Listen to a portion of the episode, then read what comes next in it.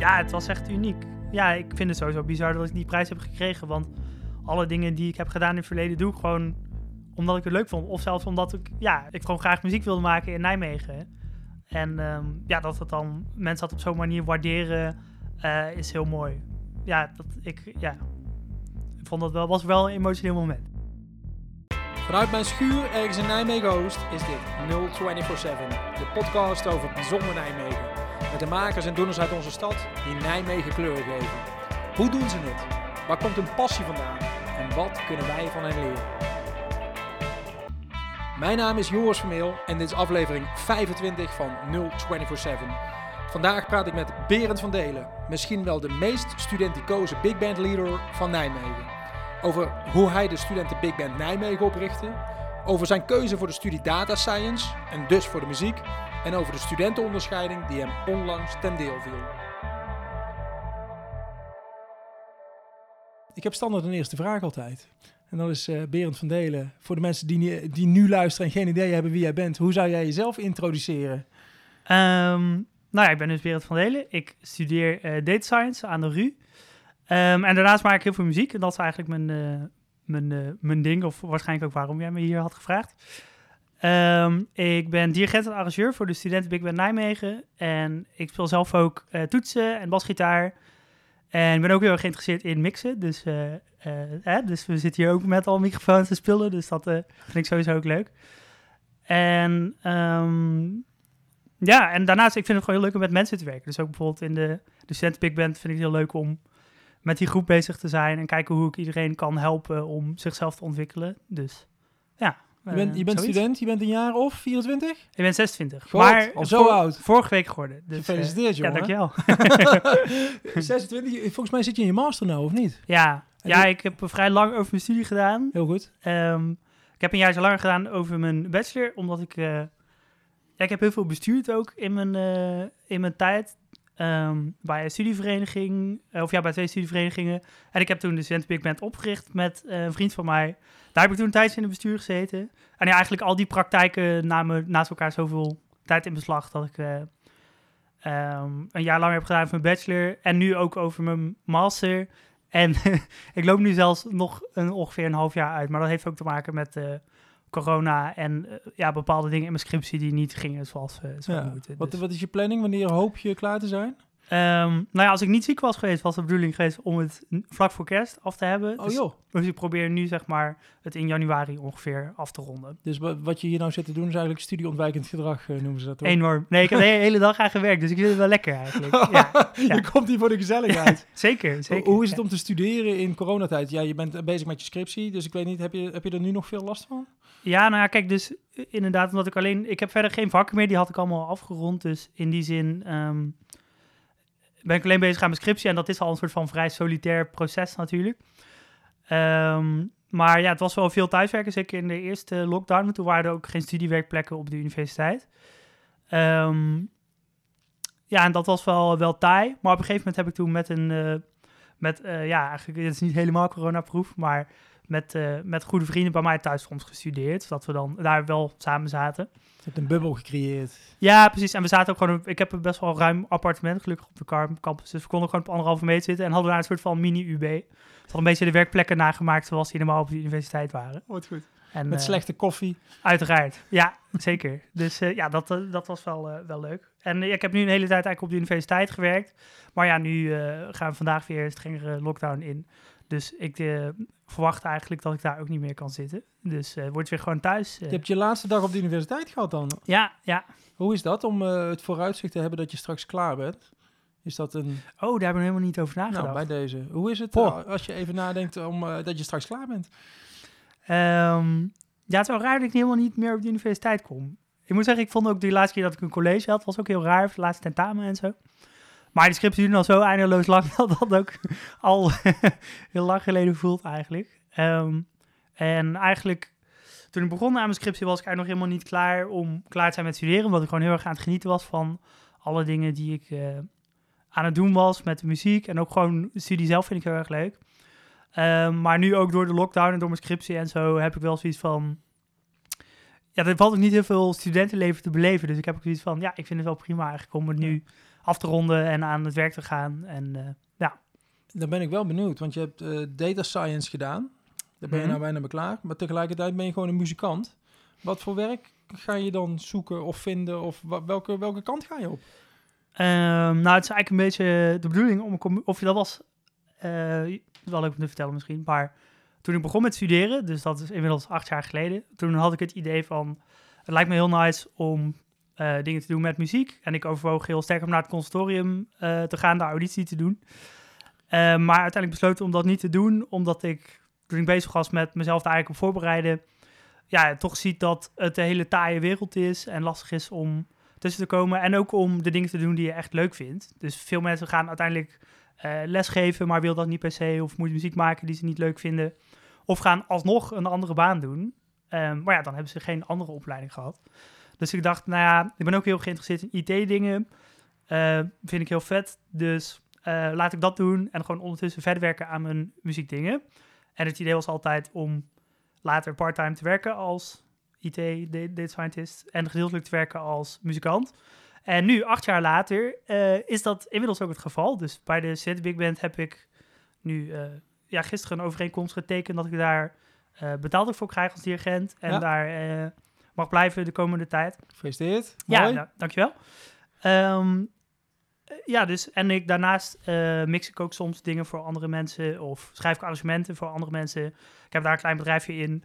En ehm, ja, met de inkomsten die ik daarvan heb, moet het denk ik wel lukken om gewoon vier dagen te werken. En ook data science, laten we heel eerlijk zijn, betaalt best wel gewoon jou. Ja. Ehm, dus kan Goeie ik keus geweest. ja, ja, ja, hele slimme 18-jarige Berend was dat. Ehm, ja, dus het lijkt erop dat dat gaat lukken. Ja, ik moet straks zoeken naar een baan. Natuurlijk is een beetje de vraag hoe dat eh, gaat in deze tijd.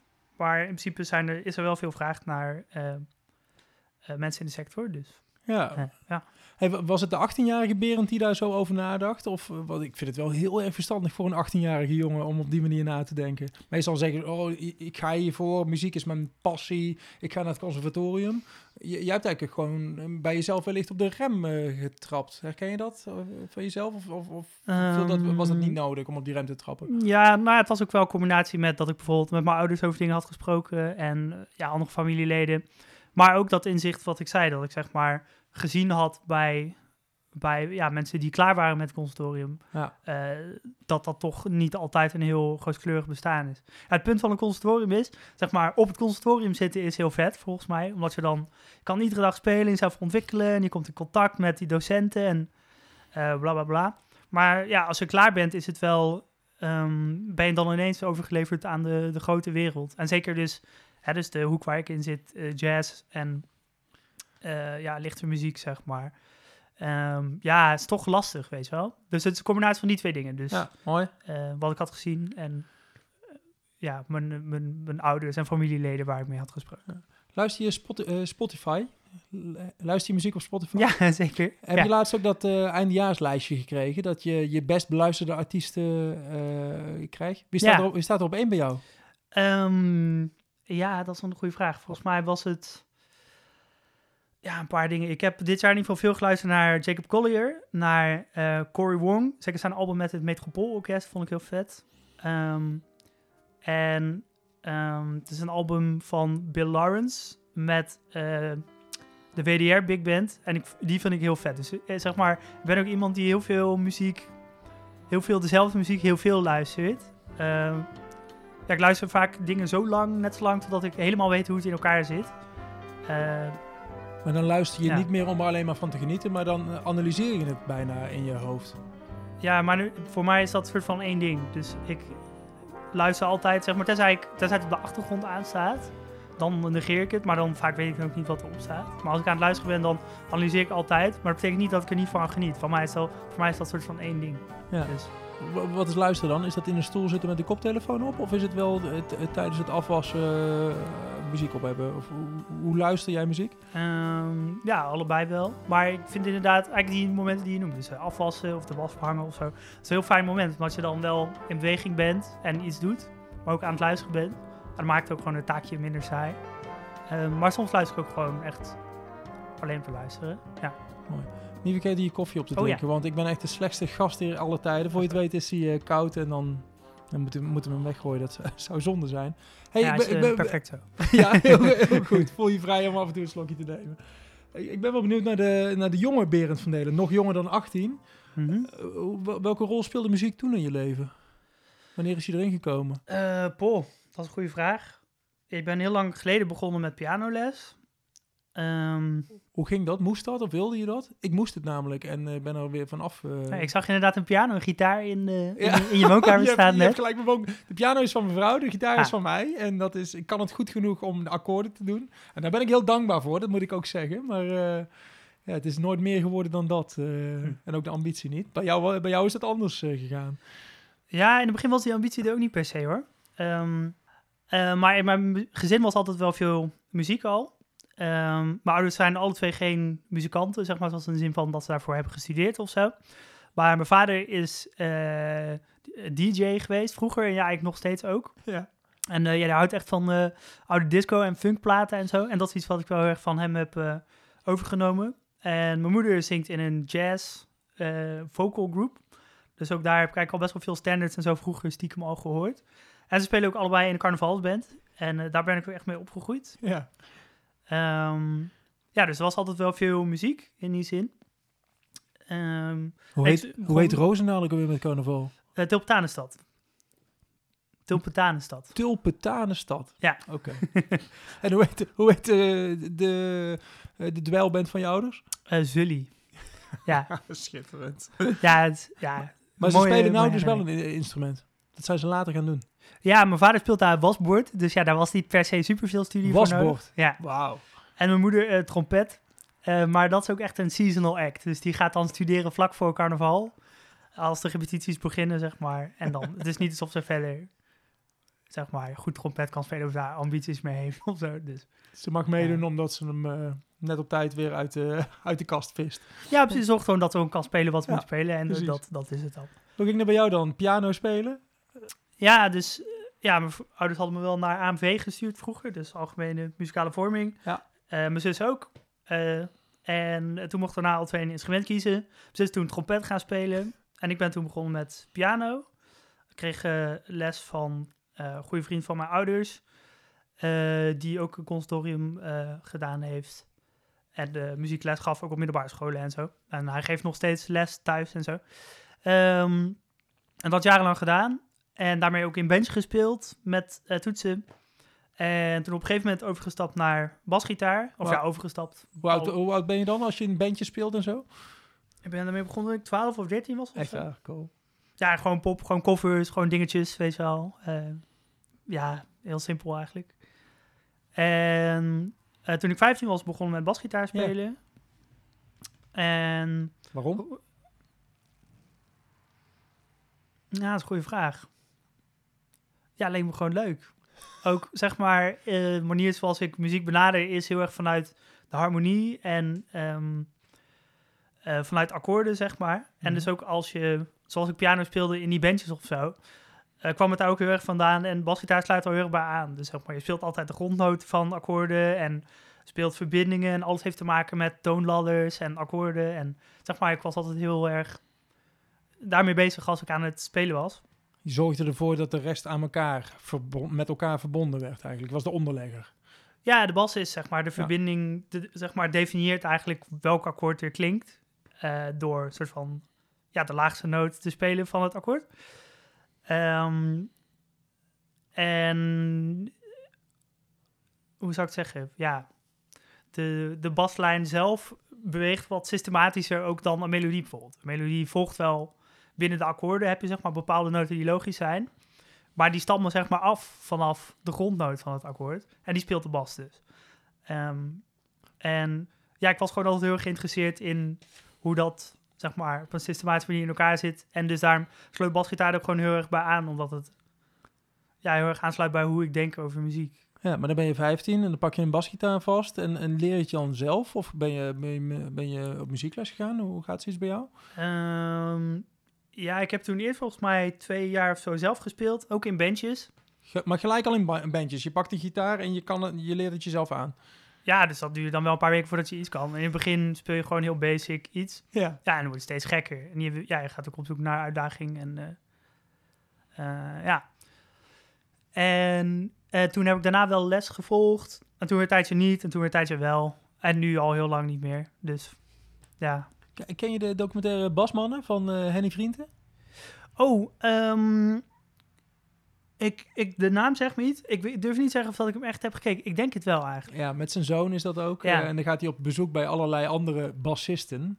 En eh, ja, het is gewoon een, een slagvolk, zeg maar. Zoals, zoals er linksbuiten dat bij voetbal is, is de bassist ook gewoon een, eh, Ja. een, een bepaald persoon, denk ik. Maar eh, ze gaan echt de diepte in. Dus voor de mensen die meer willen weten van bassisten, kijk de documentaire Basmannen.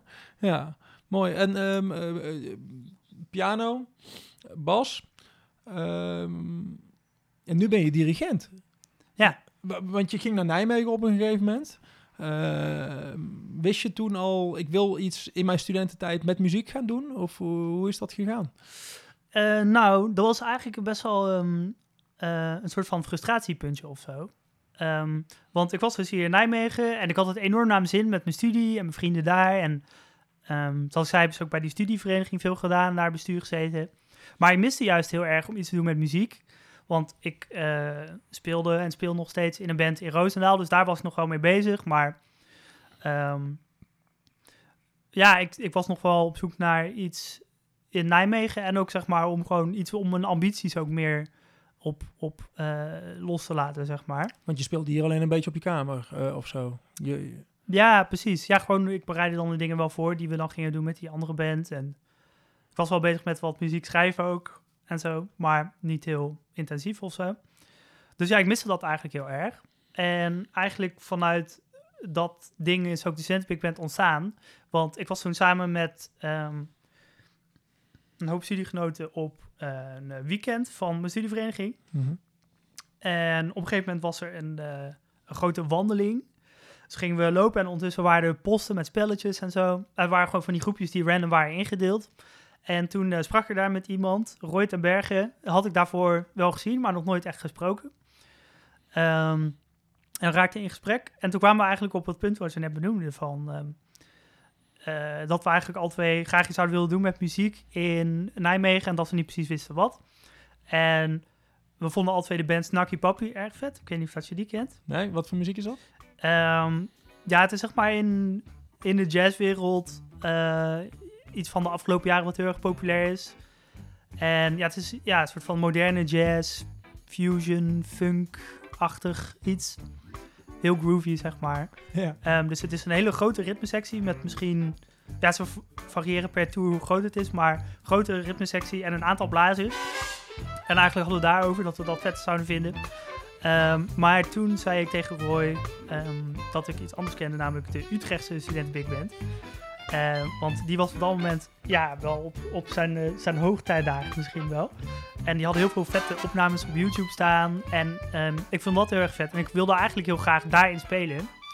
Eh, maar die hadden geen posities open voor toetsen of bas op die momenten. Dus ja, ik, ik baalde daar eigenlijk van. Want ik had het best prima gevonden om toen op en neer te reizen naar Utrecht, als dat had gekund. Ja. Eh, dus toen zei ik tegen hem van, ja, ik vind het eigenlijk heel stom dat er geen studentenbig band is in Nijmegen. Want dat is precies wat ik zou zoeken nu. Ehm, en ook ons soort van snakje papi-achtige idee eh, komt ook enigszins overeen. Zeg maar, dat soort muziek kun je ook prima spelen met een big band. En eh, ja, toen zei hij tegen elkaar, ja, misschien moeten we dat gewoon beginnen. En eh, ja, toen hebben we daar een beetje over gepraat en zo. Maar ik dacht van, ik zat toen midden in mijn bestuursjaar bij die studievereniging en dat was best wel zwaar. Ehm, dus ik had zoiets van, ja, ik vind het eigenlijk ook wel prima om gewoon even niet weer te gaan besturen en dingen oprichten en toestanden. Dus ik had met mezelf afgesproken, ik wacht of dat Roy op terugkomt. Of dat hij ook echt enthousiast is. En als hij terugkomt op mij en hij zegt, oké, eh Berend, die big band gaan we dat nog doen? Of eh, zeg maar, dan gaan we gewoon eh, aan en dan gaan we het doen. Want En je dacht, ik ga het niet alleen doen. Nee, ja, ik was gewoon niet in de juiste mindset om dat op dat moment alleen te doen. Ja. Ehm, en dat was ook zo. Dus een paar weken later kreeg ik een appje of hij belde me, ik weet niet meer precies. En dacht ik, ja, oké, ja, dit heb ik met mezelf afgesproken. We gaan dit gewoon doen. En toen hebben we ja, vanaf daar eigenlijk een plan gemaakt om het zo bare bones mogelijk te draaien. Ja, want, want kun je vertellen wat een big band is? Waar bestaat dat uit? Je hebt eh, je blazers, je hebt ritme. Eh, Ja. dat is het? Is dat de basis voor een eh, big band? Ja, dus een big band bestaat in principe uit eh ritmesectie. En daar zitten drums, bas, gitaar en toetsen in. Ja. En je kan die nog uitbreiden met de percussie, dat hebben we ook gedaan. En dan in de blaassectie zitten vijf saxofoons, vier trombones en vier trompetten. Ja. En wij hebben die ook nog uitgebreid met een fluit in de houtsectie, omdat dat vet is. Ehm, Maar dan heb je, als je besluit te beginnen, Ja. eh, ik heb even snel meegeteld, een mannetje of twintig nodig. ja, precies. In al die verschillende eh, facetten. Ja. Waar begin je dan? Want je maakt een plan. Wat staat er in dat plan? Ja, nou, ja, precies. Dus het, dat was dus ook het idee. Dus we willen het zo bare bones mogelijk doen. ehm, om, om te kijken of dat we de mensen bij elkaar krijgen. Want dat is factor 1. We moeten wat muziek hebben die we kunnen spelen. En we moeten een locatie hebben. Zeg Ja. maar, dat is een soort van bare bones iets. En dan, ja, vanuit daar zou je van alles verder kunnen bouwen. Dus we dachten, oké, nou, we gaan gewoon kijken of we dat kunnen doen. En dat hebben we eigenlijk gedaan door vanaf het begin... Ja, wel redelijk hoog van de toren te blazen met onze ambities. Van ja, we willen echt deze gaan voor een goed niveau. En, We ehm, zijn de studenten Big Band van Nijmegen. ja, precies. Dus we hebben ook. Ik heb toen heel snel een soort huisstijl in elkaar gedraaid, zodat het. Ja, hoe zou ik zeggen? Kijk, het is eigenlijk een soort frontje. Hè? Dus als je gewoon doet alsof je een instituut bent, ook al bestaat het nog niet. Het zijn gewoon Roy en ik, twee dipshits die, weet je wel, iets aan het maken In zijn. het Engels hebben ze daar een spreekwoord voor. Fake it till you make it. Ja, ja, precies. Ja. Of in ieder geval, ja, dus de impressie geven van dat het al een ding is, terwijl het niet zo was. Ja. En eh, nou, dat trok eigenlijk al heel veel mensen. Dus we hebben toen, denk ik, ja, iets van 15 of 16 van de 20 mensen na die eerste auditieronde kunnen selecteren. Maar Wacht En, even, waar was die auditie? ehm, op de universiteit. En, en wat doe je dan? Stuur je van tevoren iedereen een muziekstuk op van... Hé hey jongens, dit ga je spelen? Of, of, kom maar langs en speel je, eens, eh, doe je ding? Ja, dus eh, we hadden het bestond, ja, dat is nog steeds, eh, bestaat de auditie uit twee onderdelen. Dus en we sturen iets op wat je per se moet voorbereiden, want dan kun je de mensen mooi onderling vergelijken. Ja. Ehm, en iets wat ze zelf eh, mogen kiezen, want dan kunnen zij laten zien waar zij goed in zijn. En ook, ehm, ja, hoe zou ik het zeggen? Dat, dat, ja, je kan gewoon wat van je eigen karakter laten zien, weet Ja. je wel? Dus Ja. ook bijvoorbeeld als je kan improviseren kun je dat laten zien. Of als je dat juist niet kan of je bent heel goed in timing, heel funky, dan kun je zoiets spelen. Ja. Ehm, Maar je was op de universiteit in een kamertje. Waar, waar was dat? Ja, we hebben gewoon lokaal. Dus de, wat we hebben geregeld in het begin was dus locatie, de muziek en de mensen. En de locatie was op dat moment al geregeld. En eh, ja, mochten bepaalde lokalen in de kelder van de universiteit, Ja. in het Spinoza-gebouw, eh, Ja. Mochten we gebruiken. Cool. En daar gingen we uiteindelijk ook repeteren, Ja. eh, de eerste paar jaar. Dus, maar, eh, maar die eerste auditie, de eerste komt binnen. Je hebt, Ja. je hebt geen idee wie het is. nee, Of ze wat kunnen. nee. Eh, je kan zelf wel een aardig potje muziek spelen. Ja, dat hoop je. Ja, daar ga ik vanuit. En en, en dan, dan komt die eerste binnen. Weet je die eerste nog? Of die eerste paar? Paul, wie de allereerste was. Nou, om eerlijk te zeggen, durf ik dat eigenlijk niet meer te zeggen wie die eerst was. Nee, maar, maar- het was heel spannend, ook voor Precies. ons. Want Maar- je weet, ja. net, het kan allemaal. Misschien is het wel bagger, weet je wel. Eh, ja, precies. Misschien valt het wel enorm tegen. En, en zit je na de afloop, eh, heb, heb je 15 man teleurgesteld. En jezelf daarmee ook. Ja. Was dat zo? Of hoe, hoe, hoe, eh, hoe ging dat? Ehm, nou ja, het in het begin is het heel spannend. Dus dan zeg maar, maar de eerste paar keer was het dan ook moeilijk om te focussen op de auditant. Dat je zelf ook gewoon heel onzeker bent, I guess. Ja, ja. Je hebt ook Ehm, zelf een nieuwe rol eh, dan. Ja, ja, precies. Je moet het dan beoordelen. En ik had zelf al wel vaker auditie gedaan voor dingen. Dus ik wist wel hoe je een auditie moest organiseren, omdat ik het zelf van de buitenkant had gezien. Ja. Maar niet eh, aan de andere kant van de tafel. Dus dat. eh, dat. en verder, ja, we hadden van tevoren wel goed nagedacht over op welke dingen we wilden letten natuurlijk. Dus mensen hun sound, mensen hun timing. Of dat ze, als je dus een partij hebt, dus het ding wat we hadden opgestuurd, er staan allemaal bepaalde details in, zoals dynamiek, hoe hard of hoe zacht je moet spelen. En articulatie, dus is iets lang, is iets kort. eh bind je het over of zijn het, zeg maar, losse noten, al dat soort dingen. Ja. Ehm, ja, daar kun je gewoon naar luisteren als je gewoon focust op of dat ze dus doen wat er in die partij staat. Dan Ja. kun, je, kun je daar, ja, kun je horen of dat iemand dat goed doet of niet. Of dat hij goed alle details uit de partij haalt of niet, zeg maar. Ja. Hoeveel, hoeveel man heb je aangenomen naar die eerste audi- auditie? Hoeveel man had je ongeveer? Ja, 15 mensen ongeveer. Echt waar. Dus dan, dan, dan was je er al bijna. Ja, en ook, ik denk dat volgens mij binnen een maand daarna waren we helemaal compleet. ook. Echt waar. Ja, ja, Dus, dus dan weet je van, nou, dit- dit, dit slaat aan. We hebben goede mensen. juist. Eh, en, en dan, dan ben je een vereniging. Wat, wat waren je plannen met die vereniging? Wat stond er in je plan beschreven wat je doel was? Wat wilde je, wat wilde je gaan bereiken met die vereniging? Ja, nou ja, dus in een hoop opzicht wat dat, was dat dus een beetje gemodelleerd naar de Utrechtse studenten die Ja. ik ben. Ehm, dus ja, ehm, eigen optredens geven. Dus dat we om de zoveel tijd, dus we uh, doen dat ieder half jaar, spelen we een eigen show. Dus we bedenken dan zelf een concept van wat het, uh, ja, wat het is. En dat kan basically alles zijn. En dan kiezen we daar muziek bij en die gaan we dan instuderen. En daarnaast leek het ook ons gewoon heel leuk om gewoon veel optredens ook daarbuiten te doen. Um, en ja, kijk, als vereniging moet er natuurlijk ook wat geld in het laadje komen. En als big band is het heel leuk dat je, um, ja, als je een band bent, kun je ook gewoon spelen en daar betaald voor krijgen. Um, dus we hebben ook vrij vroeg al zijn we bezig geweest met muziek uitzoeken die vet zou zijn om te spelen op gala's of bij dingen van de universiteit, uh, waar we vaak worden gevraagd.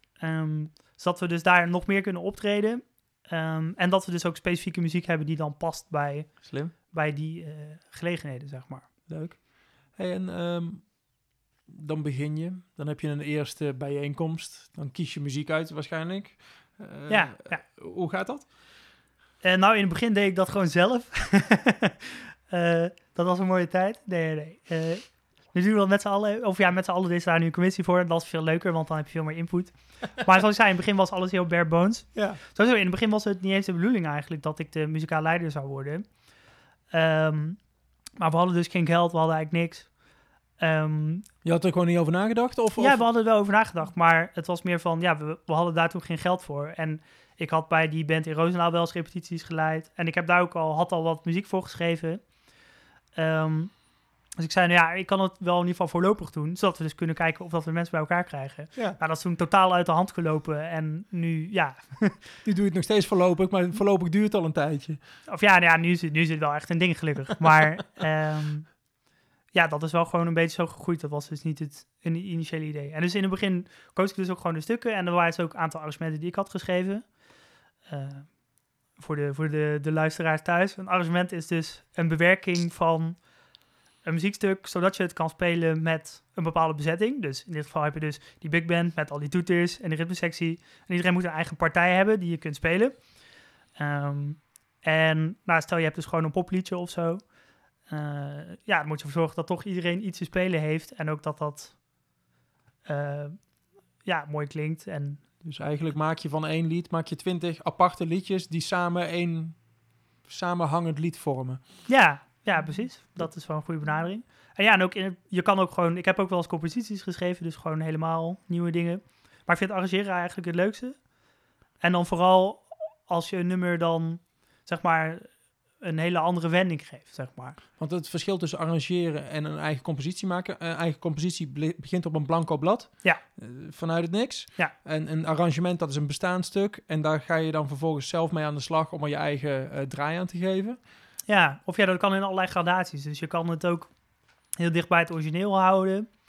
Maar je kan ook van allerlei dingen toevoegen of veranderen natuurlijk in dat proces. En dat is het leuke aan arrangeren. Dus sommige nummers zijn van zichzelf al heel vet. Of ja, dan luister je naar en denkt, ja, weet je wel, dit zou heel makkelijk zijn om gewoon zo te houden en de dingen te verdelen over de instrumenten. Ja. Dan is het wat. En soms uh, ja, ben je weer een wat creatievere bij. En is het juist leuk om het helemaal overhoop te trekken. En maar een paar elementen uit het origineel te houden. Dus misschien de melodie of de zanglijn. En um, uh, ja, dan iets totaal iets nieuws omheen bouwen. En ik vind eigenlijk dat hele speelvlak heel leuk om te doen. Um, om, ja, het is heel leuk om al die verschillende instrumenten te leren kennen en in te zetten op waar ze goed op zijn. Um, en gaat het dan ja. over instrumenten of gaat het ook over de bespelers van de instrumenten? Hou je daar ook rekening mee of gaat het puur op instrumentenniveau? Uh, nee, ik hou daar wel rekening mee, ja. Want ik ken natuurlijk alle mensen supergoed, omdat ik dan de arrangementen in dit geval dan vaak specifiek schrijf voor de Sint Big Band. Um, dus dan kan ik daar rekening mee houden. Dus als iemand, zijn maar bepaalde mensen die kunnen soleren bijvoorbeeld, dus die ja. krijgen dan solo's of ja, gewoon mensen die bepaalde dingen goed kunnen, dus weet ik veel, heel ritmisch zijn of mooie toon hebben, dan kun je ervoor kiezen om, om ja, het zo te schrijven dat dat echt naar voren komt. Ja. Hey, je begint, je, je, kiest wat nummers uit en dan op een gegeven moment werk je waarschijnlijk toe naar een eerste optreden. Hoe, hoe kwam je, wat was je eerste optreden en hoe kwam je daarbij? Ja, uh, eerste optreden was eigenlijk best wel heavy, want uh, we gingen toen spelen bij het afscheid van eh, iemand van het college van bestuur van de Radboud. Oké. Ehm, Nou, hoeveel tijd was dat? Gerard Meijer. En na, poh, niet lang. Echt niet lang. Toen speelden we een maand of twee maanden hooguit. Ehm en dat kwam omdat alle twee zijn dochters, eh, Eline en Marielle, die ehm, speelden altijd in de big band. Ja. Dus ja, dat lijntje was heel kort. maar dat was wel mooi, want ja, alle hoge pieven zaten daar eh, natuurlijk. En we speelden volgens mij maar twee nummertjes. En eh, ja, het was in die zin allemaal niet zo boeiend. Maar het was wel, zeg maar, eh, dat de campus in ieder geval...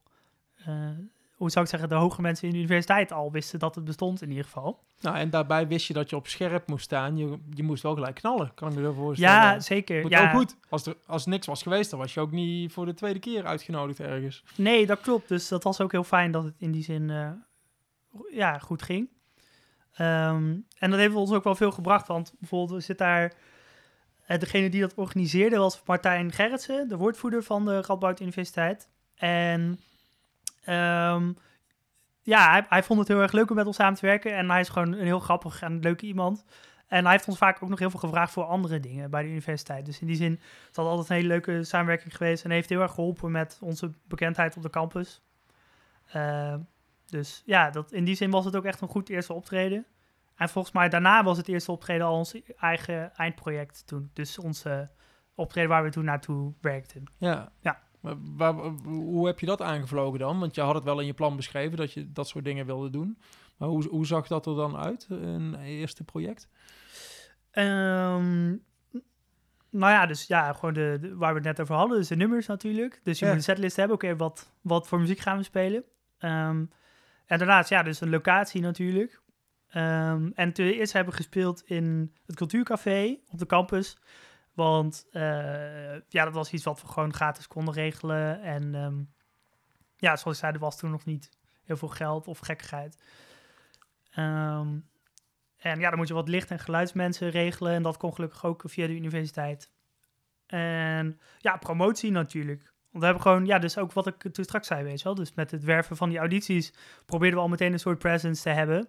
En we hebben ja, daar toen verder aangebouwd. En natuurlijk, iedereen vond het leuk om te komen kijken. Zeker bij de eerste keer, omdat je helemaal niet weet wat het is. En het is nieuw en het is spannend. Dus iedereen eh, nodigt zijn vrienden en zijn familie uit. En dat, is- dat is natuurlijk nu nog steeds zo. Maar het was wel een heel bijzonder optreden natuurlijk, omdat het eh, de allereerste keer was. Wat was jouw rol tijdens die optredens? Ben je dan dirigent of wat ben je dan? Ja, ja. Maar het is wel belangrijk om te zeggen dat een big band dirigent wel anders is dan bijvoorbeeld voor een symfonieorkest of zo. Ja. Want ehm, ja, bij een symfonieorkest is het super belangrijk dat je dus zeg maar eh, je slag, dus, hè, dus wat je doet met je handen om eh, de mensen maat aan te geven, is dan super belangrijk. En bij een big band niet eigenlijk, bijna helemaal niet. Want ehm, eh, je hebt de ritmesectie die speelt en iedereen luistert basically daarnaar voor hun timing en lokt daarmee. Ehm, dus zeg maar, mijn slag is eigenlijk alleen belangrijk op het moment dat er geen drums is bijvoorbeeld. Ja. Dus dat je een soort van, stel even een soort breakdown of zo, en er is dan geen drums. Dan, dat is het moment dat ik dirigeer en iedereen kijkt naar mij en een soort van zinkt met de beweging die ik maak. Ja. Ehm, en daarnaast geef ik wel een hoop dingen aan. Dus denk qua dynamiek als mensen hard of zacht moeten spelen. Maar ehm, het is zeg maar niet zo heavy qua dirigeren als een, een or- hoop orkesten of zo, zeg maar. Er zijn ook bijvoorbeeld big band dirigenten, dat is wel leuk hoor. Die, eh, die tellen af en ze gewoon weg of zo. ja, heel bizar, maar dat gebeurt echt. Ehm, of mensen die gewoon alleen ervoor staan niks doen, als een stuk er niet om vraagt. Ehm, je hebt ook mensen die altijd slaan de hele tijd. Ja, dus het is zeg maar ook ja, enigszins een soort organi- ongeorganiseerd iets wat een big band dirigent nou eigenlijk is. En het belangrijkste is eigenlijk dat je de repetities leidt en daar je artistieke visie geeft. Dus hè, mensen corrigeert van oké, dit moet kort, dit moet lang, dit moeten we overdrijven. Ehm, en dat is ook wat ik het leukst vind. Want zeg maar, heel dat gedeelte met het zwaaien is zeg maar sowieso niet belangrijk. En ik haalde ook niet super veel voldoening uit of zo. Dus Nee. Ja. Dus je staat er wel, maar je, sta, je staat er omdat je er tijdens de repetities eigenlijk ook staat. Dat, dat, je bent een houvast voor mensen. ja, ja zeker. Ja, dat is, dat is sowieso een van de functies. En dus er zijn dus wel momenten waarop het belangrijk is. Precies. Maar laten we zeggen dat dat misschien ja, 20% van de tijd of zo. Ja. Dus vaak sta ik gewoon een beetje te dansen of gewoon iets, eh, ja, weet je, gewoon vibes te geven aan de band en eh, het publiek, maar niet echt. À la, Kite Man is het dan een beetje een aantal jaar geleden. Ja, sure. Ja. Sure. Maar die speelde ook nog mee tijdens een, eh, terwijl hij aan het dirigeren was. Is dat iets wat jij ook wel eens doet of niet? Ik heb, eh, soms speel ik ook wel iets mee, maar dat is wel bij uitzondering. Dus Ja, dan, ja. als we iemand tekort komen voor bijvoorbeeld een belangrijk toetsending of zo, dan... eh, Spring je even in. maar dat gebeurt bijna nooit hoor. Ik doe dat eigenlijk ook liever niet. Ja. Hey, in 2016, mannetje of 20. Hoe gaat het nou met de vereniging? Het is 2020. Hoe, eh, uit hoeveel man bestaat het nu? En eh, hoe is het gegaan de afgelopen jaren? Ehm, nou, we hebben, na, we hebben bij het tweede project eh, vocalen toegevoegd. En eh, die dwarsfluit waar ik het over had. Ja, leuk. Ehm, dus die zijn, zijn wat gegroeid. En later hebben we nog een vocalist aangenomen. En dat is inmiddels allemaal weer doorgerouleerd. Maar we hebben nog steeds twee vocalisten en een eh, fluitspeler. Ehm, en nu toevallig doen we... Of ja, dat is, ehm, we zouden eigenlijk afgelopen zomer een groot project doen. eh, waar we zouden samenwerken met de strijkersgroep ook nog. En ja, dat ging natuurlijk niet door door corona. Ja, project met allemaal house muziek in een big band jasje. En het zou echt helemaal te gek worden. In Don Roosje zouden we spelen. Wow. En ehm, ja, het idee was ook zeg maar, echt gekke lichtshow en dansers. En dat het echt een soort nachtclub vibe heeft. En dan dus zeg maar house muziek, dus echte house classics. Maar dan in big band arrangement dus ook nog met gewoon wat meer cultuur erin, zeg gek, maar. man. Ja, dus Was dat jullie idee? ja. Ja, dus ja, we, we stonden helemaal aan de startblokken daarvoor. En alle muziek daarvoor is speciaal gearrangeerd. Dus we hadden twee uur aan muziek waar ik dingen van heb geschreven. Waar mensen in de band dingen van hebben geschreven. Waar we ehm, jonge Nederlandse arrangeurs van het consortium hadden ingeschakeld om dingen voor te schrijven. En ja, uiteindelijk kon dat niet doorgaan. Dus dat was wel heel erg jammer. En sindsdien eh, draaien we eigenlijk ehm, ja, op een wat lager pitje. Dus we hebben in ieder geval tot nu toe eh, wel met, met momenten dat het mocht gerepeteerd. En ook dus ook aan het project. En we wachten eigenlijk gewoon totdat we het kunnen uitvoeren. Dus dat dan, eh, ja zeg maar, we zitten eigenlijk op een soort eh, bom. En die laten we afgaan zodra het mag, zeg Ja, maar. weet precies. je wel? J- jullie willen heel graag, maar het- het- hij mag nog niet afgaan. Je Ja, zou hem in moeten houden. De pin mag er nog niet uit. Ja, Want precies. hoe, hoe is dat met een big band? Ik, ik weet dat koren heel lang niet hebben mogen repeteren, niet samen hebben mogen zingen. Maar Ja. mogen muzikanten dat wel? Of hoe gaat zoiets? Ja, dus de blaas moeten op, op twee meter afstand zitten. Of ja, ja, weet ik veel. Er is daar een afstandsmaat voor. Ja. Ehm, en ja, voor de rest moet iedereen zijn anderhalve meter afstand houden. Maar dus, eh, en je hebt dan die max van 30 mensen, had je een lange tijd. Ja. Ehm, dus dat waren een beetje de, de maatregelen waar wij mee te maken hadden. En dan in het begin van lockdown was er helemaal niks. En ja, nu kan het ook niet meer natuurlijk. Nee. Dus eh, ja, en dan zeg maar deden we vaak... Of ja, de afgelopen periode hebben we dan ehm, gerepeteerd met dus de ritmesectie. Dus hè, de drums, bas, bla bla bla. En dan deden we één blaassectie erbij of de strijkerssectie. Dat we dan in totaal met, laten we zeggen, tien mensen in de zaal waren. En dan kun je genoeg afstand houden en gaat dat op zich allemaal goed. Ja. Dus eh, Ik kan ja. me voorstellen dat je niet kan wachten tot je weer bij elkaar bent met z'n allen. Gewoon om er bam in één keer weer een één groot geheel van te maken. Ja, precies. Want we hebben dus nu de hele tijd wel gewerkt aan die muziek. Ja. En ehm, we zijn er allemaal best wel een end mee. Dus ik kijk er ook inderdaad enorm naar uit als we dan weer een keer samen mogen. Omdat zeg maar alles in principe al goed gaat. Maar je het dus nooit tegelijkertijd hebt gehoord. En eh, ja, ik denk het moment dat dat gebeurt, dat het wel gewoon totale gekte wordt. Ik, denk, ja, ik kijk heel erg uit naar dat we weer een keer zo kunnen repeteren. Dat kan Dus me helemaal voorstellen. Ja. Hey, dat Don Roosje concert, dat, dat, dat stond al gepland en dat is nou uitgesteld? Of, eh, Ja, ja, in principe wel. Of in ieder geval, zover ik weet, is het bestuur nog steeds in contact met, eh met Doornroosje en is dat wel het plan. Dus ja. ja, als je dit hoort en je denkt, eh, lijkt me heel vet, kom dan vooral kijken, want het wordt helemaal bizar. ik kom kijken Oké, bij deze. top. Hey, ehm, je zit hier omdat je eh, die studentenonderscheiding eh, gehad hebt. Elk jaar heeft de universiteit die, eh, ja, die heeft een soort studentenprijs. Hè. Dit jaar zijn er twee winnaars. Jij was daar één van. Ja. Uit het juryrapport ga ik even voordragen. Je bent een initiatiefrijk verbinder. Je hebt oog voor de ander. Ja, je, wordt, je kijkt een beetje ongemakkelijk. En je krijgt veel voor, lof voor je vriendelijke leiderschap. Hoe gaat dat met het uitreiken van zo'n prijs? Sorry dat ik je deze, dit onge- ongemakkelijke moment bezorg. Hoe gaat het uitreiken van de prijs? Was dat een verrassing? Of ehm, eh, wist je dat je een prijs op ging halen toen je daarheen ging? Of? Ja, jawel, ja, dat wel. Ehm, maar ik wist het heel lang niet. Ehm, en wat er dus gebeurd is, is dat eh, ja, een aantal mensen in de studenten Big Band eh mij daarvoor hebben voor, voorgedragen. Bij ja, een soort van de jury die dat beoordeelt van de Radboud. En eh, ja, die beoordelen dat dan, al die inzendingen, en die kiezen dan een winnaar uit. En ik wist dat al wel in ehm, ju- juli of zo. Ja, en dat was een heel mooi moment, want we waren toen eh, bezig met een, eh, een album op te nemen met de Student Big Band.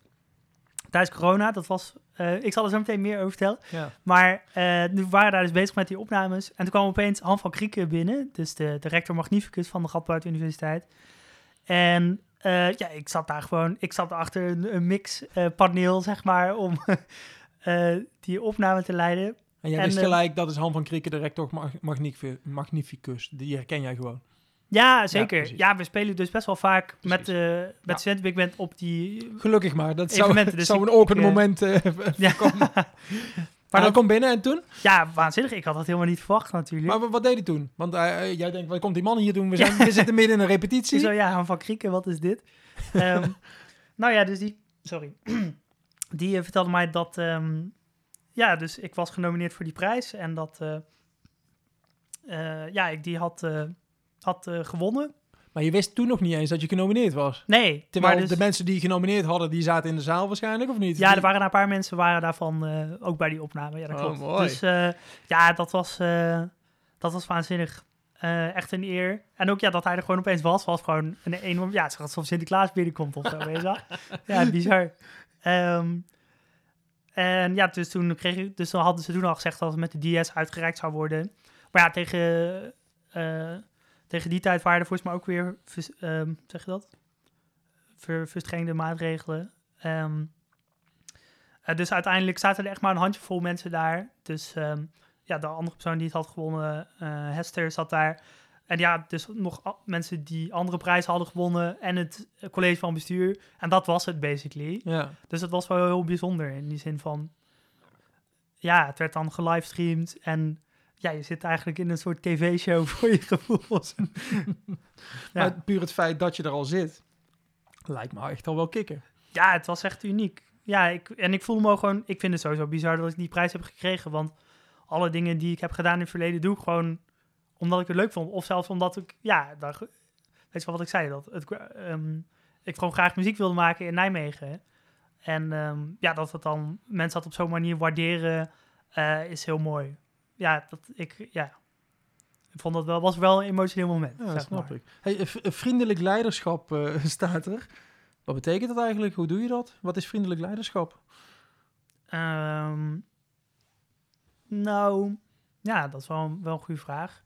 Ja, dus met een hoop mensen in de studenten Big Band ben ik echt wel heel goed bevriend. Mhm. Dus het is altijd een beetje een lastige combinatie van dat ik dus tijdens repetitie, zeg maar, eh, ja, de leiding heb. En eh, van mij verwacht wordt dat ik dus die visie doe en eh, de repetitie leid.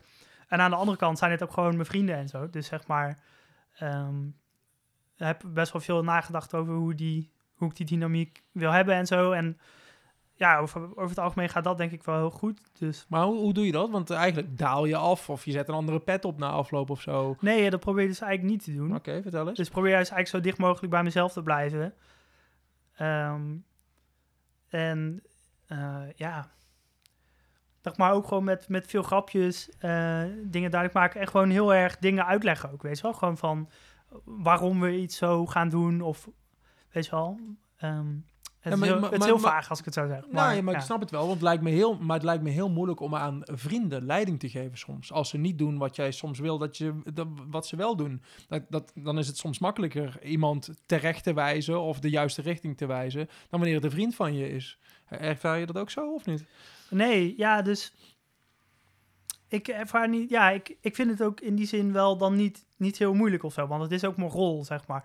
En je moet je ook voorstellen dat een hele hoop mensen in de studentenbig zijn echt enorm ambitieus en willen ook zo goed mogelijk spelen. Dus zeg maar, zij verwachten ook van mij dat ik, zeg maar, dingen benoem en zij willen dat ook, zeg maar. Ja. Ik heb ook wel eens feedback gehad in het begin dat ze me eigenlijk niet streng genoeg vonden. Dus daar heb ik dan ook aangewerkt. Ehm, maar ja, dus het is niet heel moeilijk om, om die kritiek te uiten, omdat mensen die ook graag willen horen, omdat dat ook is hoe we vooruit gaan. Mooi. En het komt ook voort uit een soort vertrouwen of zo. Dus mensen vertrouwen ook in dat wat ik hoor en eh, zeg, als we dat doen, dat het daar beter van wordt, zeg maar. Of in ieder geval coherenter, laat ik het zo zeggen. Want hoop dingen kun je op verschillende manieren doen en die zijn allemaal goed. Ehm, ja, en dan is het gewoon de afspraak, oké, we doen het zoals ik het dan heb bedacht. Of soms vraag ik aan mensen hoe zij eh, het zien. Of weet je, ik probeer ook heel veel eh, ruimte te laten voor vragen en zo. En ja, ik vind gewoon als je iets goed kan beargumenteren en mij kan overhalen, dan gaan we dat gewoon zo doen. Ehm, en ja, dat is ook wat ik zelf eens probeer te doen. Altijd de dingen die ik graag wil beargumenteren waarom ik ze zo wil. En niet, zeg maar, als je gewoon tegen iemand zegt, yo, doe dit of zo. Is heel anders dan... Dit is de Berend van Delen route. Deze gaan we lopen. Ja, nee, dat, dat gaan we dus zeker niet doen. Nee. Maar dan, Mooi. ja, dan, ik probeer zo, ja. En het is ook wel iets van, ik probeer alles zo goed mogelijk voor te bereiden. En ehm, qua muzikale kennis gewoon echt er goed boven te staan, zeg maar. Qua, qua niveau, zeg maar. Dat, ehm, dat het ook, de dingen die ik zeg heel aannemelijk klinken, zeg maar. Dat het, hè, het is, ik vind het heel belangrijk dat de dingen die ik zeg ook echt kloppen en ehm, onderbouwd zijn. Ja, ik, ja, sorry. Sorry dat het zo vaag is. Ik, Ik, vind het denk niet dat het eh, vaag is. oké. Mensen zien gewoon dat je er aandacht aan hebt besteed. En daardoor nemen ze het ook aan. En ze vertrouwen ook op basis van wat ze eerder van je gezien hebben waarschijnlijk. Ja, ja, I guess so. Ja, Ja. mooi. Hey, en ehm, hoe is het niveau van de studenten Big Band? Waarmee kunnen we dat vergelijken? Ja, dat is een hele goede vraag. Ehm, ja, het is wel voor amateur big band een goed niveau. Mhm, En dat komt vooral voor, denk ik, uit vooral de ambitie van mensen. mhm. Dus er zitten best veel mensen in die een soort vanzelfde route hebben bewandeld als ik. Dus die getwijfeld hebben om naar het consortium te gaan. En eh wees al daar eigenlijk wel mee bezig waren op zo'n serieuze manier met muziek. En toen hebben we gekozen om dat niet te doen. Ja, en dat soort mensen halen het niveau natuurlijk eh, goed omhoog. En er zijn nu uiteindelijk ook mensen die dus nu een tijdje in de Cent Big Band hebben gezeten... en hebben besloten om toch naar het conservatorium te gaan. Oh joh. Eh, ja, ook mede, mede door wat ze daar ervaren hebben. En eh, ja, dus ik zou zeggen dat, ehm, kijk, we zijn geen professioneel orkest. En ook, ja, zeg maar, niet alle mensen komen van een jazz-achtergrond. Dus je hebt ook veel mensen die meer uit de harmonie en fanfarewereld komen. En dus die nog stilistisch een beetje bezig zijn met meer jazz-achtig worden. Dus dat is iets wat je wel aan zou kunnen afhoren, zou ik zeggen. Ehm, maar er zit heel veel drive achter ehm, om het goed te krijgen. En dat zorgt er ook voor dat het uiteindelijk goed wordt. En wat ook nog een ding is met de Student Big Band, is dat een hele hoop big bands in Nederland ja, spelen swingmuziek. Dus de muziek uit de jaren 30 tot 50, laten we zeggen. Dus dat was de golden era van de big band dingen. En big bands waren toen eigenlijk een soort van jukebox. Dus je zet gewoon 20 mensen neer in een redelijk grote hal. Die gaan spelen, spelen dansmuziek, energieupskey, weet je wel. Je hoeft dat niet uit te versterken, want ja, die toeters zijn allemaal hartstikke hard. En dat is zeg maar hoe het is begonnen. En Mhm. eigenlijk na die era is het minder bekend geworden en zijn er veel meer, is er meer een soort, ja, het is wel blijven bestaan in die vorm. En er wordt nog steeds heel veel swingmuziek geschreven, maar het is ook veel meer een soort artsy kant opgegaan. Ehm, en sinds die jaren, ja, er zijn veel verschillende periodes van big band muziek ook daarna nog. Ehm, en wat we met de Zenit Big Band proberen te doen, is vooral niet de swingmuziek te spelen. En juist eigenlijk alle moderne dingen. En dan zeker eigenlijk alle dingen van de afgelopen 20 jaar. En dan zit je veel meer aan de funkkant, veel meer fusion. Nou, bijvoorbeeld Snarky Puppy, ehm, dat soort muziek. Daft Punk moet je even vertellen, want dat was vet, hè? In, Oh de, ja. in de coronatijd hebben jullie met z'n allen, ja, hoe heet dat? Ja, je hebt van achter je schermpje, heeft iedereen zichzelf opgenomen en jullie hebben een Daft Punk medley gemaakt. Ja, ja, precies. Ehm, dus dat was een van de argumenten die we ook zouden gaan doen ehm, met de show eh, die niet doorging, met Strijkers, met het huisproject. Dus die hadden we al een keertje gerepeteerd voor de lockdown. En ja, tijdens de lockdown eh, konden we natuurlijk helemaal niet repeteren en iedereen vond dat vervelend. We misten ook het sociale contact. En eh, ja, je, je zag tegen die tijd wel meer van dat soort video's eh, omhoog komen. Dachten we, nou, is wel vet. En toen hebben we uiteindelijk gekozen voor die Daft Punk video, omdat die gewoon best wel poppy is en veel prikkels en zo. Dus dachten, oh, dat is wel iets wat het waarschijnlijk goed doet. In de zin van ehm, eh, op internet en gewoon wees wel de, de, de blije koppen van de SBWN en zeg maar zo'n prikkelrijk nummer, zeg maar. En inderdaad is iedereen thuis die dingen ingespeeld. En die hebben ze allemaal naar mij opgestuurd. En ik heb die toen, eh, heb het altijd gemixt. En ehm eh, we werken eigenlijk met een soort van drie mensen samen om dat te fixen. Dus ik doe de mix. En ik had ook het arrangement gemaakt. Dan hebben we Dion, een vriend van mij, die doet de mastering. Dus die, ja, zeg maar, geeft een soort van final touch over wat ik heb gemixt. Ja. En ehm, Jesper doet de video. Dus die heeft heel wat dingen in elkaar gezet met alle verschillende koppen in beeld. Nou, en dat hebben we online gegooid en geprobeerd om ja, te pushen naar zoveel mogelijk kanalen en weet ik veel wat. Dat is enorm van de grond gekomen. Dat was heel vet. Ehm, ja, het is echt tienduizenden keren bekeken. Ja. En we zijn uiteindelijk ook op radio of ehm, omroep Gelderland geweest. Kijk, daar doe je het toch voor. Nou ja, dat hadden we helemaal niet verwacht natuurlijk. We wilden gewoon een video maken om maar iets te doen te hebben tijdens corona. Nou, ik kan me wel voorstellen, wat, waar je nou in zit, is dat je nergens echt naartoe werkt. Dat, dit is ook een manier om ergens naartoe te werken, weet je wel. Dat het een soort weer die bom is die, on, eh, waar je, ja, die ontploft. Ja, precies. Ja, Dat dat ook iets is waar je, waar, waar je energie van krijgt. Dat je, je krijgt feedback dan eindelijk weer. Dat is eigenlijk ook wat er gebeurt natuurlijk. Wat je nou niet krijgt. Ja, ja, klopt. Ehm, maar, oh, dat is misschien een mooie brug, want daar heb ik... We hebben dus ook tijdens corona dus nog een album opgenomen, wat ik toen straks zei, toen Ja. Half van Krieken langskwam. Ja. Ehm, want we hadden toen die Daft Punk video gedaan. En ja, dat ging dus hartstikke goed en dat was heel vet. En dan dachten we, ja, weet je wel, wat gaan we nou doen? Gaan we er nog één doen of niet? En zeg maar, kijk, ik vind, ik vind het niet leuk om dan nog een video te maken, hè?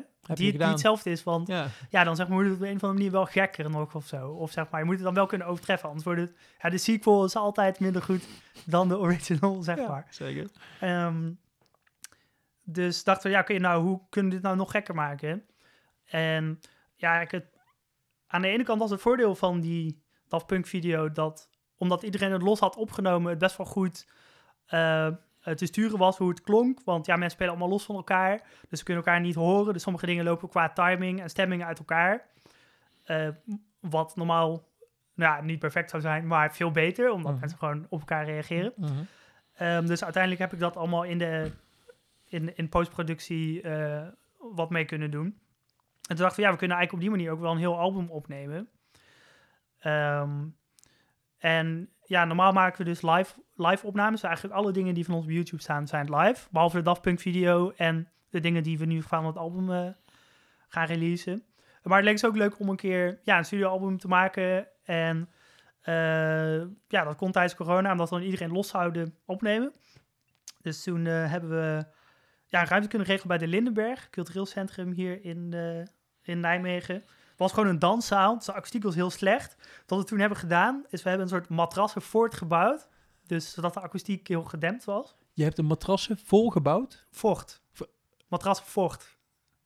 Een vocht. Ja, Ja, zo'n kasteel. ja vocht. precies, precies. Ja, Dus een soort, een soort cabine, zeg maar. Iedereen nam zijn eigen matras van huis mee. eh, Ja, we hebben letterlijk met een busje langs leden gereden die allemaal gewoon hun lo logeermatras ja. hadden gegeven. Nou, we hebben een soort stellage gebouwd van, ja, gewoon metalen stellage, zeg maar. ja. Daar al die dingen tegen aangezet. Hilarisch. En ehm, ehm, de universiteit heeft een ehm, theaterzaal, zie heet die. En eh, daar werkt een geluidsman die we goed kennen, Bart Baten, die beheert die zaal ook. En ik werk daar zelf ook als geluidstechnicus. En ja, zeg maar, zij helpen ons graag en de andere culturele verenigingen in Nijmegen. Ze mochten van hen gewoon allemaal spullen lenen. Dus we hadden een hele grote mixer en supergoede microfoons, die, die horen bij die zaal. En dus die hebben allemaal verplaatst daar naar eh, die danszaal in de Linde, Lindenberg. En met dus dat matras voort. En toen eh, hebben we daar een week lang, week lang bijna non-stop iedereen opgenomen. Te gek. Ehm, en ja, dus iets wat je live, wat live een probleem is, is ehm, ja, je hebt maar één take. Je speelt live, dat neem je op en dat is het. Dus als er iets fout gaat, kun je dat niet echt corrigeren, want ja, het is gewoon gebeurd en dat is wat het is. Maar omdat we iedereen los hebben, kun je niet takes doen. Dus zeg maar, kunt iemand een partij een paar keer laten spelen. En als er iets fout gaat, kun je gewoon teruggaan, dat opnieuw inspelen en zo. Dus aan de ene kant klinkt dat als vals spelen. Aan de andere kant is dat alle muziek ooit die je op de radio hoort van, of ja, ooit, van, van de afgelopen 20 jaar of zo. Alles is helemaal intens geëdit, alles, zeg maar. Autotuned heet dat toch, of niet? Ja, precies. Dus dat is dan de, de pitch correctie. Maar dus je kan ook nog ritmisch corrigeren en zo. Ehm, En we dachten, ja, dus het is eigenlijk heel raar, want zeg maar, er, er wordt nooit een big band album op die manier opgenomen. Omdat mensen dan gewoon tegelijkertijd spelen, zodat je die vibe hebt, zeg maar. Grappig. Maar ja, dat kon nu niet. We dachten, ja, we kunnen het ook gewoon ehm, eh, zo doen. En dan, kijk, de, de studenten big band blijft een amateur big band. Dus zeg maar, zo'n opname klinkt hartstikke goed hoor. Want luister maar op YouTube, daar is allemaal niks aan geëdit basically. Ehm, maar het leek ons ook vet om dus een studioalbum te maken. Dat dus heel gepolijst klinkt. En ehm, ja, Eh, en zo kon dat dus. Omdat mensen dus hun eigen fouten konden verbeteren door gewoon nog een keer opnieuw dat loopje in te spelen. En eh, ja, en dat duurde dus een week. Dat was echt enorm intens. Want ik was daar dus de hele tijd om die, die sessie te leiden.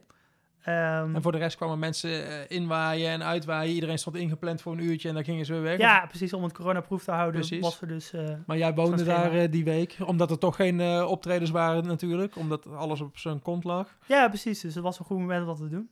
En ehm, nee, ik ben nu zeg maar in een stadium dat het bijna klaar is. Dus ja? dat album komt uit...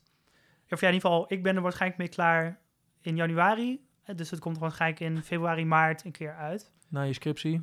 Ja, ja, ja, dat. Of in ieder geval, dit zijn in mijn hoofd dan soort van de twee dingen die ik echt moet afmaken nu. Ja. Dus, eh, Hey, en wat voor album wordt dat? ja, het is een EP met vier nummers. Ja. Ehm, en het zijn allemaal arrangementen van onszelf. Gewoon eigen nummer. Nee, arrangementen van jezelf. Ja. Dat is wat Ja. anders dan een compositie, heb ik, van, heb ik vandaag geleerd. Ja, precies. dus er komen, er komen vier nummers op. Ehm, eh, eentje is, eh, heet Desire. Dat is een eh, arrangement van mij. Is een nummer van een Japanse toetseniste, Hiromi. Waar ik heel lang al heel erg fan van ben. En dit was een nummer dat ze hebben gespeeld met een trio. Dus alleen bas, piano en drums. Oké. Maar ja, ik vond het altijd een heel vet nummer. En ik zat een keer naar het luisteren en dacht ik, ja, dit is heel vet om een soort van extreem breed te trekken. Dus zeg maar iets wat je normaal met drie mensen speelt en al intens is. Helemaal oppompen naar dus 20, 30 mensen, zeg maar. Dat heb je gedaan. Ja, zeker. En? Want het kan ook tegenvallen wellicht, of niet? Dat, dat je iets in je hoofd hebt en wat, hoe je het dan daadwerkelijk hoort, dan zou het tegen kunnen vallen. Maar was dat zo? Nee, nee. Het wa- Het was, het was zoals jij hoopte dat het... Ja, zeker. zijn. En dit is ook iets wat we ook al hadden gerepeteerd voor de lockdown, hoor. dus het was niet... het eh, ja, we hadden het al gespeeld en Cool. Ik had ook wel weer dingen veranderd eh, die niet werkten, want dat gebeurt heel vaak. Ehm, nou, dus dat is eh, één nummer. Andere is Do You Ever Feel Like a Plastic Bag? En dat is een soort van super artsy interpretatie van Katy Perry nummer, Fireworks. En die staat al online, dus als je vet vindt, google dat. Do You Feel Like Plastic Bag? Eh, SBBN, Studentenweek met Nijmegen, dan kun je die, die kun je al horen. Een andere is een, eh, ja, een soort van jazz interpretatie van Dance With Somebody van Mhm. Mando Diao. Ehm, dat is ook een arrangement van mij. En er is er nog één arrangement van Willem de Wit, de lead-trompetist van de Center Big Band. eh, van Never Gonna Give You Up van Rick Ashley. Wauw. Maar dan in een soort hele smooth versie. Echt een soort van, eh, ja, een soort smooth jazz eh, vibe. Ehm, ja, en dus die vier nummers voor de release kun je ook op Spotify luisteren als het dan uitkomt. Dus eh, Cool. Ergens in februari, maart bij de mensen thuis. ja, zeker. Hopen we dat we dan een release party kunnen doen. Ja, als, ze het zou heel vet zijn om zoiets te kunnen, te kunnen doen als ze de maatregelen te toelaten. Natuurlijk. Ja, we gaan het meemaken. Hey, ehm, wat ik me nog wel afvraag. Je, je zei ergens al aan het begin van het interview dat je echt een, een groepsmens bent. Dat je het fijn vindt om met mensen samen te spelen. Ja. Je bent ook een muzikant. Heb je ook wel eens overwogen om, om, om solo iets te doen? Of, of in ieder geval met een paar mensen maar? Je bent nou gebonden aan de studenten Big Band. Je zit ook in de, of zat denk ik, of niet? Bij de Nederlandse Studenten Jazz Orkest. Oh ja, ja daar hebben we het helemaal nog niet over gehad. Nou ja, daar speel je ook bas, eh, zag ik eh, op Ja, een dat, filmpje. dat was een projectorkest. Dus zeg maar, en show duurt maar twee weken. Zeg maar, het orkest bestaat maar twee weken. Echt waar? Ja. Leuk. En het idee is, je gaat één week fulltime repeteren. Dus je gaat gewoon ergens in een hutje op de hei zitten met dus Cool. 30 mensen. En zo'n jazzset instuderen. En vervolgens is er dan een week lang een tour door heel Nederland. En dat was echt helemaal waanzinnig. Dus we hebben toen gespeeld in Tivoli, de Melkweg, door Roosje. Maar dat zijn studenten uit heel Nederland die dan samenkomen, baam, in één, eh, Juist. in één orkest. Juist. Dus het, het idee is eigenlijk, je hebt al die studenten big bands in Nederland, dus niet alleen hier, maar ook in ehm, eh, Delft, in Utrecht dus, in Amsterdam, et cetera, et cetera. Dus, eh, ja, er zijn er een stuk of zes of zeven of zo. En het idee is om een soort van één grote super all-star studenten big band samen te stellen uit alle mensen die dus auditie daarvoor doen. ja. Ehm, en dat is ook heel leuk voor de mensen in de studenten big bands, omdat je dan wel weer nog net een tandje hoger kan spelen. En ik zeg maar, het Nederlandse Jazz Orkest is wel gewoon als amateur eigenlijk wel het hoogste wat je kan spelen voordat je echt naar conservatorium of pro-level dingen gaat. Dus het is wel, wel heel vet. Het is Ja. gewoon een eer. Ja, zeker. Cool zeg. Maar eh, mijn vraag was eigenlijk... Oh ja, eh, sorry. he- heb, je, heb je nog wel eens... eh, je zit aan je big band vast, tussen aanhalingstekens. Eh, is dat erg voor jou? nee, want ik vind het heel leuk om daarvoor te schrijven. En ja, voor mij is het natuurlijk ook gewoon een sociaal iets. Gewoon het is leuk om met die mensen bezig te zijn. Maar ik heb inderdaad ook wel ambities om daar buiten dingen te doen. Dus het zou leuk zijn om... Ja, ik heb echt honderd verschillende ideeën die ik zou kunnen doen. Dus, Doe eens je grootste droom. Ehm, Oké, wacht. Misschien moet ik... Ja, ik heb, ik heb al drie ideeën die Kom ik wil, wil delen. Ehm, eentje is, het zou leuk zijn om een, zeg maar, large ensemble ding te doen. Dus dat is niet een big band, maar laten we zeggen tien mensen of zo. Mhm. Dus ook met blazen en de ritmesectie. En dan met allemaal composities van mij. Dus, want ik arrangeer dus heel veel. En niet zo heel veel composities geschreven. En het zou leuk zijn om daar iets mee te doen, dat heel artsy te maken. Eh, Wat zeg je nou? Artsy? Artsy, ja. Wat is artsy eigenlijk? Ja, ehm, ja, dus dat het... ehm, ja, het is een, is een goede vraag. Dus dat het wat, wat meer kunstmuziek is, zeg Ja, maar, dan, dan dat het super toegankelijk is. Dus het gaat echt om dat het Experimenteel. Eclectisch. ecle- eclectisch, vind ik een goed woord. Maar zeg maar, het, is, zeg maar geen, het zijn geen popliedjes dan of zo. Weet je wel? Dus het gaat echt om melodie, zeg maar, daar mag het allemaal wat, wat, wat Absurdistische. ingewikkelder zijn. Maar ook niet te, te over de top of zo. Maar het is dan niet... Het is niet iets wat je dan op de radio zou kunnen draaien of Nee. zo. Weet je wel? Oké, Ehm, twee. nou ja, twee.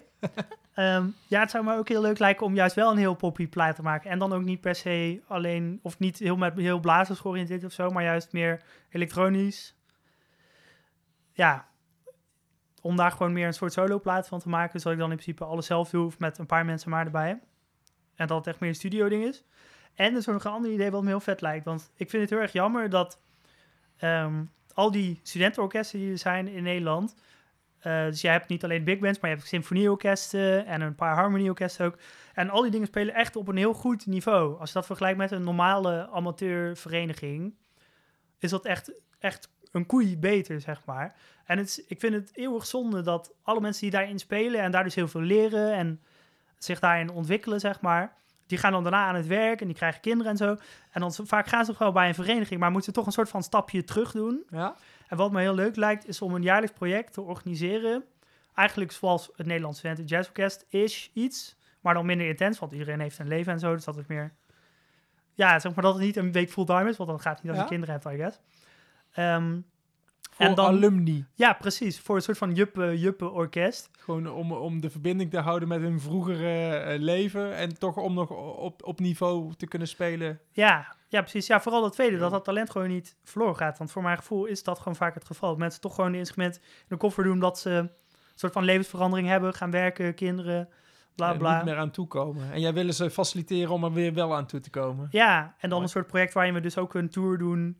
Maar dus dat het dan wel zo is ingericht dat je dat kan doen naast je werkende leven en eventueel kinderen of zo.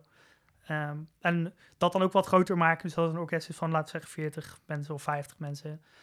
Zeg maar een beetje zoals het Metropoolorkest. Zoiets heb ik dan in gedachten. En daar dan een tour door mee doen in Nederland of misschien zelfs in het buitenland. En dat dan een jaarlijks ding maken, zeg maar. Eh, dus dat zijn een beetje mijn, mijn hersenspinsels voor nu. Goeie plannen, man. Ja. Ik eh, ga je in de gaten houden. Ik vond het leuk dat je hier was. Ja, ik vond het waanzinnig dat ik mocht komen. ik, eh, Ja. goed. Ik ga je in de gaten houden. Dankjewel. En succes met je laatste loodjes met je, met je scriptie, man. yes, dankjewel.